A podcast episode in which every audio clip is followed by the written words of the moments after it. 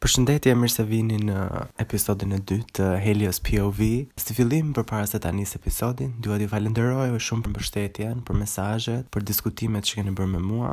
Vërtet kam ndjerë një suport shumë të madh dhe dua t'ju falenderoj për këtë gjë, sidomos kur nis diçka të re, nuk e di kurrë se si do shkojë. Fakti që ka pasur kaq shumë pëlqim edhe suport Vërtet më dha një shtysë që ta vazhdoj edhe të bëj gjëra të bukura në vazhdim. Mirë, uh, dua shumë t'ju falenderoj edhe gjithë ato që kanë pasur një diskutim me mua, jo thjesht që kanë komplimentuar episodin apo mënyrën se si unë flas ose ku ta di unë. Uh, vërtet ato që janë futur në një diskutim me mua dhe kanë mbase edhe kanë debatuar për diçka që unë kam thënë, e vlerësoj se në fund të ditës mendoj që ju respektoni mendimin tim mjaftueshëm sa për të uh, sa për ta diskutuar me mua. Edhe kjo vërtet do të thotë shumë. Gjithashtu dua Të falenderoj, më falni se po bëhem kështu si Alketa Vejsiu, falenderoj çdo njeri që shef, po vërtet faleminderit. Mirë, siç e dini episodin e parë për ato që e ndoqën, ne folëm për dështimin, si ta përballësh dështimin, disa gjëra që mund të shkojnë në mendje kur dështon, si ta rishqyrtojmë dështimin, mbase mënyra të reja të, të menduarit, të një momenti kur ne dështojmë. Shpresoj që t'ju ketë pëlqyer ai episod vërtet edhe t'ju ketë lënë një mbresë që ju mund ta përdorni më vonë në jetë. Kjo do ishte idealja edhe do ishte një arritje e qëllimit që unë kam. Duke pasur disa tema në mendje për zhvillim për episodet e ardhshme, njëra prej tyre vërtet u veçua nga të tjerat, duke qenë se kishte edhe pak lidhje logjike me episodin e mëparshëm, dështimin. Kështu që duke e prezantuar temën do të kuptoni edhe për çfarë po flasim sot. Ëh, është pikërisht motivimi. Motivimi po si dështimi mendoj që është një temë shumë reale për moshën tonë. Besoj se deri ka njerëz që gjithë jetën vuajnë me motivimin, po sidomos tek të njëzetat, kur akoma nuk je rregulluar mirë le të themi, mbase po vendosesh në një punë, mbase po kërkon një shtëpi të re, nuk e di, mbase po aplikon për master, mbase je gjatë studimeve. Motivimi është gjithmonë një temë qëndrore, sepse në fund të ditës edhe kur kthehesh nga shkolla, do shkosh në shtëpi, do duhet të lash enët, po për të larë enët duhet motivim. Duke qenë se m'u duk që kishte pak rrjedhë logjike edhe me dështimin që ne folëm në fillim, sepse mendoj që si dështimi dhe suksesi apo çdo gjë në mes mund ta influencojnë shumë motivimin e një njeriu, mund ta influencojnë shumë mënyrën se si një person vendos të merret me gjërat e veta. Sigurisht, në qoftë se do flasim në mënyrë gjenerale, në qoftë se një person ka shumë suksese në jetë, mund të themi që është më i motivuar për të bërë gjëra duke qenë se është shpërblyer në thonjza. Ndërkohë që një person që mbase nuk i kanë ecur aq mirë gjërat, normalisht që do ndjejë një sens demotivimi. Duke mos dashur që ta bëja totalisht personale episodin, vendosa të ballafaqohesha me disa psikologë edhe disa njerëz të fushës që studiojnë motivimin, normalisht online, E duke qenë se është kohë karantine faktikisht ka qenë edhe një mënyrë shumë e mirë për mua për të shtyr kohën, sepse është një temë që vërtet mua më intereson. Më intereson sepse gjithë kemi qenë në një moment kur s'kemi qenë të motivuar, edhe jo detyrimisht ti din si ta nxjerrësh veten nga ajo gjendje. Kështu që ishte interesante të lexoja se çfarë njerëzit studionin dhe shqyrtonin motivimin tek qeniet njerëzore, çfarë kanë për të thënë ato. Mirë, pa dashur të zgjatem shumë, dua të prezantoj personin e parë me të cilin u ndesha gjatë kësaj kohe kur bëra kërkim mbi temën. Ai quhet Hugo Kehr, është drejtor i departamentit të psikologjisë në Universitetin Teknik të Mynihut. Ishte shumë i interesuar mbi temën e motivimit tek qeniet njerëzore. Ai studion çfarë ka qenë më përpara e studiuar dhe çfarë dinin njerëzit për motivimin, sidomos psikologët, duke qenë se është një temë që bie në fushën e psikologjisë. Si shihet motivimi sot? Çfarë është shtuar në këtë lloj aspekti? Nëse do duhej të ndajë në dy tema qendrore, ai e ndan njeriun, sigurisht duke folur në prizmin e motivimit, e ndan njeriun në zemra dhe kokë. Tek zemra ai fut gjërat që ne pëlqejmë, gjërat që ne duam të bëjmë, që i bëjmë me qejf, që na japin kënaqësi. E ndërsa te koka futen qëllimet që ne kemi, vlerat, mbase kjo mund të jetë puna, shkolla, gjërat që kanë rëndësi në jetën tonë dhe sjellin një lloj rezultati që mbase gjërat që na japin qejf mund të mos e sjellin. Ai e shpjegon këtë gjë si në qoftë se do ta mendoni si dy rrethe, mendoni një diagram veni, edhe te këto dy diagramat e venit Kur bashkohen rrethet, ai thotë se në mes është harmonia. Pra, vendi midis zemrës dhe kokës, ku ne arrijmë të shqyrtojmë gjëra të rëndësishme në jetën tonë dhe t'i bashkojmë me gjërat që ne kemi qejf, njeriu gjen harmoni. E, në këtë, në këtë mes, si me thënë, është edhe piku i motivimit tek një njeri. Ai thotë se në momentin që ne gjejmë diçka që pëlqejmë dhe diçka që ka rëndësi në jetën tonë, jemi më të motivuar për ta bërë këtë gjë. Po çfarë ndodh kur nuk është kjo harmoni? Çfarë ndodh kur nuk ekziston kjo harmoni? Këtu ai prezanton një fjalë të re që besoj të gjithë e dini që është vullneti. E, vullneti hyn në punë kur motivimi bie. Prandaj besoj se të gjithë neve në klasat tona në gjimnaz ose edhe në universitet kemi pasur njerëz me shumë vullnet. Edhe shpesh e kam dëgjuar edhe këtë, sidomos në gjimnaz, kohën e gjimnazit kam dëgjuar shprehjen, e nuk është shumë i zgjuar, po ka vullnet. Edhe gjithmonë më bënte përshtypje, sepse dikush që merrte dhjeta në klasë, pa qenë shumë i zgjuar, po me vullnet arrinte atë që një person mbase shumë i zgjuar nuk arrinte ta bënte. Kjo është mbase sepse te këto dy njerëz ndryshon motivimi edhe niveli i vullnetit. Mirë, edhe vullnetin Hugo e ndante në dy aspekte. Vullneti i parë është vullneti i kokës. Ky është kur vullneti ty të thotë, ok, diçka do e bëjmë sepse është e rëndësishme për ta bërë. Ty të duhet vullnet për ta bërë këtë gjë. Si përmenda pak më para, të shkosh në shtëpi, të lash enët, një gjë që jo shumë e këndshme për ne, po duhet bërë sepse është e rëndësishme, sepse vullneti ty thotë që shiko se në qoftë se nuk i lan enët, do vijë erë e keqe, etj, etj, etj. Duhet vullnet për të larë dyshemenë, duhet vullnet për të ndenjur një ditë më shumë orë se sa të janë dhënë në punë, duhen duhet vullnet për gjithë këto gjëra. Këtu ai fut vullnetin e parë, pra ky është vullneti i kokës. Vullneti i dytë është vullneti i zemrës. thotë, kjo është kur t'i përmbahesh joshjeve, kur vullneti ty thotë, mos e bëj një gjë sepse nuk ka shumë rëndësi për jetën tënde. Disa shembuj që mund mendoj për shembull janë të ndenjurit pesë gjashtë orë në YouTube, të pirit cigare, të tradhtosh partnerin, janë të gjitha gjëra që ti duhet vullnet që t'i përmbahesh këtyre joshjeve, joshje të jashtme që çdo njeri ka. Edhe kur them tradhtim partneri nuk do nuk po them që çdo njeri e mendon, po t'i përmbahesh kësaj lloj joshje të jashtme, Këtij lloj tundimi të duhet vullnet, vullnet që të thotë, shiko, mos e bëj, sepse do kemi XY pasoja. Në qoftë se ti rri pesë orë në YouTube, do kesh më pak kohë të bësh një gjë që është vërtet e rëndësishme për jetën tënde. Pra këto dy lloj vullnetesh sjellin një farë balance në mendjen tonë. Gjithsesi, ajo që m'u duk interesante dhe që nuk dija përpara, ose më saktë nuk e kisha menduar në këtë lloj aspekti përpara, është që sipas studimeve që janë bërë, vullneti nuk është gjithmonë përgjigja e mungesës motivimit, uh, sepse ai e trajton vullnetin si leku, le të themi, ose dollari si doni ta merrni. Në qoftë se ti në bankë ke, po them, 100.000 lekë dhe fillon dalëngadalë i shpenzon këto lekë, një moment do ngelesh me zero lekë. Po e marr për të mirëqenë këtë situatë, nuk po fus shumë faktorë të tjerë. Uh, edhe ai mendon që edhe vullneti është si lekët në bankë, domethënë ne kemi një lloj banke brenda nesh që ka, po them, pesë vullnet, në qoftë se do ta merrnim si lekë. Edhe sa herë që ti përdor vullnetin në mungesë të motivimit, ty fillon e të shteron vullneti, sepse ai e shikonte si një resurs të shtershëm brenda nesh, një gjë që vjen një moment dhe ti nuk ke më vullnet. Sepse duhet menduar që ti vullnetin kur e përdor, domethënë kur ti bën diçka të rëndësishme, të duhet vullnet mos bësh diçka të qejfit. Kur ti nuk bën diçka të qejfit, të duhet vullnet të të tërheqë te gjëja e rëndësishme. Dhe gjithmonë është ky faktori që ti po bën diçka që nuk po merr kënaqësi kur po bën diçka me vullnet. Sepse në shumicën e kohës për këtë futet në punë vullneti. bësh diçka që ti s'e ke shumë me qejf, edhe pse të bërit e kësaj gjëje ty mbase mund të të sillte më shumë lumturi. Pra, të përdorit të vullnetit ka një limit. Jo gjithmonë njeriu mund të ecë me vullnet, sepse ka raste që ti duhet të bësh diçka që ke qejf, sepse në fund fundit jemi qenie njerëzore, nuk mund të funksionojmë gjithmonë si rrobota edhe të marrim detyra edhe t'i marrim këto detyra për të mirëqena edhe hajt tani t'i bëjmë. Në qoftë se jeta do funksiononte kështu mbase çdo gjë do ishte më optimale, por nuk funksionon, sepse çdo njeri ka Kërkesat ka tundimet siç e thashë, ka dhe qefet e veta. Edhe nuk është për t'u ndier në siklet për këtë që besoni. Mirë, në këto dy aspektet e para, besoj deri tani edhe mund t'i keni dëgjuar më përpara dhe mund t'i keni hasur. Tani Hugo shton një aspekt të tretë, i cili deri më tani nuk është njohur shumë ose nuk është pranuar shumë botërisht. Por ai shton aspektin e dorës, pra zemra, koka, dora. Çfarë do të thotë dora? Dora është Aftësia për të bërë diçka dhe aftësia për ta bërë mirë. Pra, pasurit qejf diçkaje, kjo gjë e rëndësishme dhe ti të dish ta bësh mirë. Ktu kur këto të treja bashkohen, prapë duke i menduar si rrathë, lind kjo gjëja që unë po flisa pak më përpara, ajo gjëja në mes që i bashkon të treja. Pa dashur ta përkthej këtë fjalë sepse mendoj që do për e përktheja në diçka që mbase nuk ka shumë sens me temën që po flasim, shkencëtarët në anglisht e ka e kanë quajtur flow. Do ta mbajmë flow për momentin, prapë duke thënë, Pa dashur ta përkthej. Pra, zemër plus kokë plus dorë, këto e prezantonin si flow. Ë, dhe flow është optimalja e optimaleve të motivimit. Mendojeni pak për jetën tuaj. Në qoftë se juve në jetë keni gjetur diçka që ju pëlqen, diçka që dini ta bëni mirë dhe diçka që është e rëndësishme,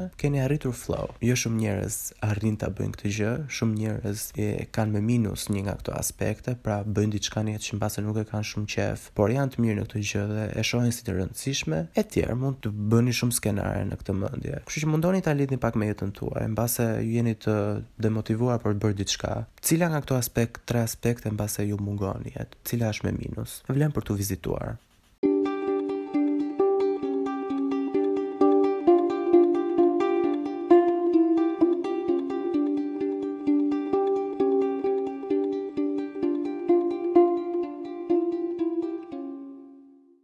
Mirë, jemi në pjesën e dytë të podcast, po flasim për motivimin, çfarë na motivon, çfarë nuk na motivon, edhe një studim, një pikëpamje e motivimit, se si e shohin ekspertët edhe njerëz që merren me motivimin. Mirë, në pjesën e parë ne folëm për Hugon, që ishte një drejtori i departamentit të psikologjisë, në Universitetin Teknik të Mynihut. Tani do flasim për një person që nuk është masterizuar faktikisht në psikologji, mirëpo vuan nga mungesa e motivimit. Ai është një procrastinator që mund të themi është fjala më nga më të përdorurat në rrethet, sidomos të gjeneratës së re. Procrastinator ose procrastination në mungesë të një fjale më të mirë në shqip, pavarësisht të mundit tim që të Kërkoja në fjalor edhe gjeja një fjalë të përshtatshme shqip. Nuk ka një fjalë që i rri shumë mirë përshtat faktikisht fjalës procrastinator edhe procrastination në anglisht. Ajo që mendova dhe që gjeta më të përshtatshme është njerëzit që lënë gjërat për minutën e fundit ose fenomeni i të lënies së gjërave për minutën e fundit pavarësisht se ti mund të kesh marrë një projekt para 3-4 muajsh, gjithmonë përdor ditën ose dy ditët e fundit për ta përfunduar këtë gjë. Ky fenomen është procrastination, për arsye të minutazhit edhe që mos zgjatem shumë, le të bëjmë një marrëveshje të njëanshme që në vend të lënies së gjërave për minutën e fundit të përdorim fjalën procrastination edhe procrastinator, gjithmonë duke kërkuar ndjesë që nuk gjeta një të përshtatur në shqip, po besoj se do arrijmë të kuptohemi gjatë kohës që unë flas. Mirë, ky person që është një procrastinator, ai ka blogun e vet edhe gjithashtu ka shkruar disa libra, quhet Tim Urban. Tim Urban është një person që ka pranuar publikisht se vuan nga mungesa e motivimit edhe gjithmonë lë për minutën e fundit gjërat e rëndësishme që ka. Ai e studion këtë fenomen edhe ka studiuar goxha për motivimin tek njerëzit, ça na bën të motivuar dhe ça na bën që të lëmë gjërat për minutën e fundit. Atë që ai shkruante edhe që fliste, më dukej shumë interesante sepse kishte studiuar një fenomen që studionte edhe produktivitetin e njerëzve që lënë gjërat për minutën e fundit. Pra vërtet këto njerëz nuk janë produktivë gjatë gjithë kohës tjerë. Por çfarë i shtyn ato që ditën e fundit ose dy, dy ditët e fundit të gjejnë fuqinë që po themi të rrinë 2-3 net pa gjumë vetëm për të mbaruar detyrat ose afatet që kanë. Për ta filluar këtë bisedë do doja që ta nisja që nga fillimi atë që ai shpjegon Kjo është duke i dhënë një panoramë të trurit të njeriut, ose si e shihte ai trurin e njeriut. Ju premtoj që nuk është shumë e komplikuar dhe do mundohem ta simplifikoj akoma më shumë se sa ai ka bërë.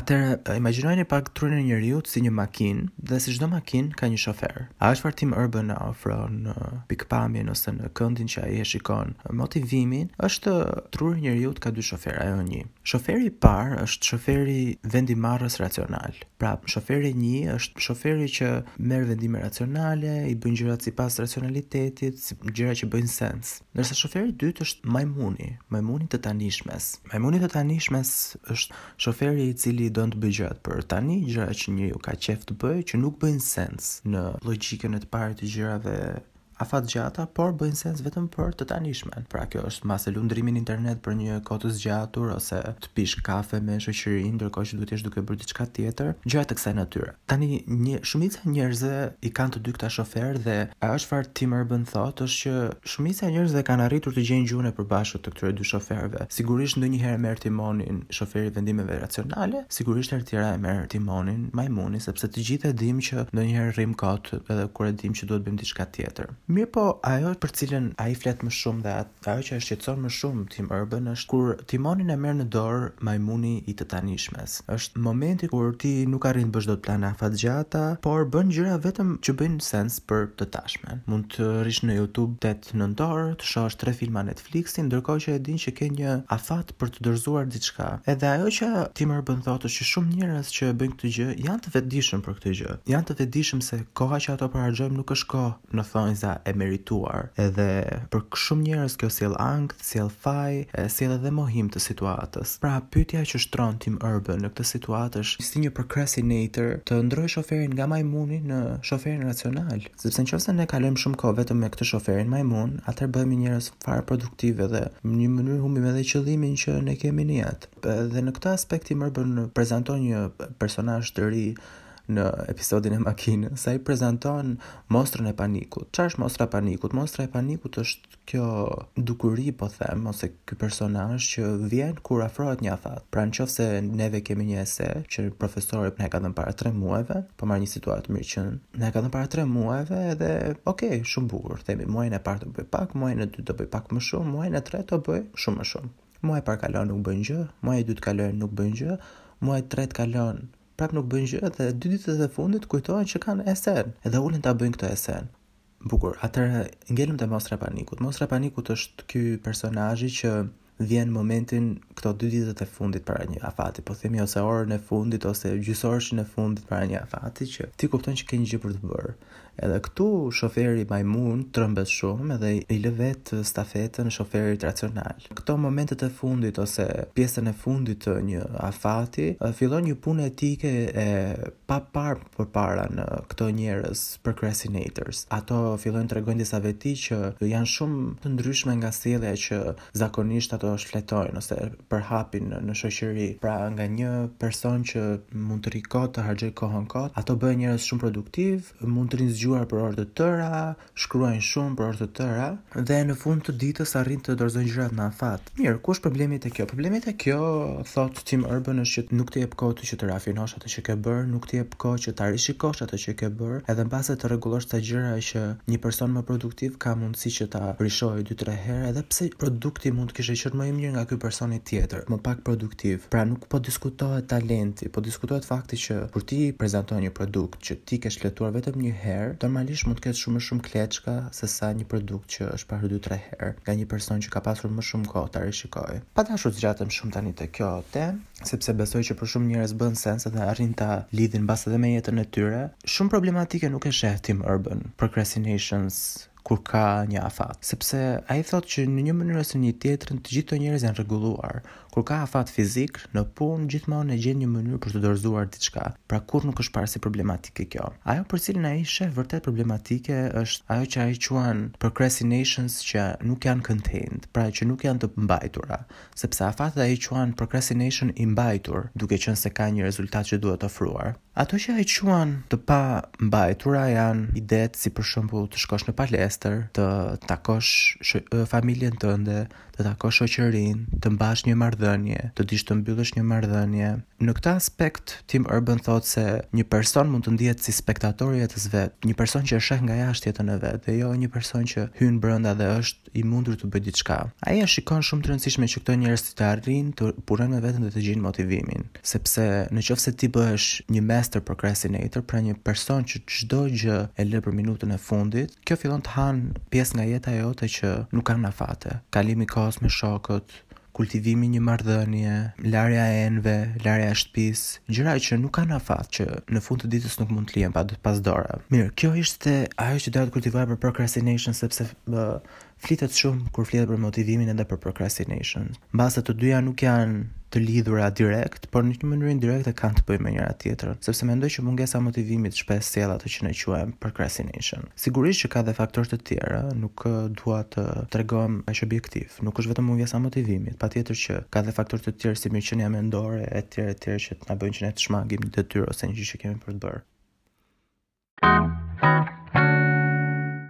Okej, jemi bashkë për pjesën e tretë të Helios POV të këtij episodi. Mirë, po flasim për motivimin, edhe duke qenë se ka qenë pak intensiv ky episod në fakte dhe studime të ndryshme, edhe ka pasur më pak eksperienca personale të mia, me qëllim kjo. Doja që pjesën e fundit ta thjeshtësonim pak, ta kishim pak më të lehtë, edhe të ndaj ca këshilla të mia me ju se si mund të mbase të rrisni motivimin ose ta qasni ndjenjën e të qenit i pamotivuar me një sjellje të re. Mirë, faktikisht janë tre këshilla që unë kam mbledhur nga Hulumtimet në internet që kam bërë, janë tre këshilla të mia që i nxorra personalisht, mirëpo janë edhe të ballafaquara me disa informacione të ndryshme që kam hasur. Bukur, këshilla e parë faktikisht ka të bëjë me atë që unë fola pak më parë, me procrastination. E thuhet që nga shumë studime lidhin procrastination me humorin e keq tek një njeri. Pra, shanset janë më të mëdha që neve kur jemi me humor keq ose jo shumë në terezi, do të, do rrimë kot, nuk do bëjmë gjë, nuk do jemi shumë produktiv. Edhe kjo bën sens besoj për gjithë ju, edhe nuk ka nevojë për ndonjë tezë të madhe psikologjie që ta kuptoni që edhe vetë juve kur ndiheni keq mbase nuk jeni aq produktiv ose të motivuar për të bërë një gjë. Pra, këshilla e parë do ishte ji pozitiv, qase një aktivitet ose një detyrë që ke për të bërë me ndjesi pozitive. E nuk është aq e lehtë dhe unë jam i vetëdijshëm për këtë, mirëpo ka diçka që ne mund të bëjmë kur nuk jemi pozitiv. Çfarë është kjo? Një këshillë e ime personale është monitoroni progresin që bëni në një detyrë ose një aktivitet që keni për të bërë dhe duke monitoruar progresin e shpërbleni dhe veten, domethënë e celebroni atë që keni bërë. Besoj sepse kur shifni progres në një gjë të rëndësishme që ju po bëni, gjithmonë do ndiheni më mirë dhe dash e pa dash shtohet edhe vetë motivimi ashtu, duke kryer me sukses një aktivitet ose një detyrë që ne kemi për të bërë. E faktikisht nuk është krejt e rastishme kjo që unë po them.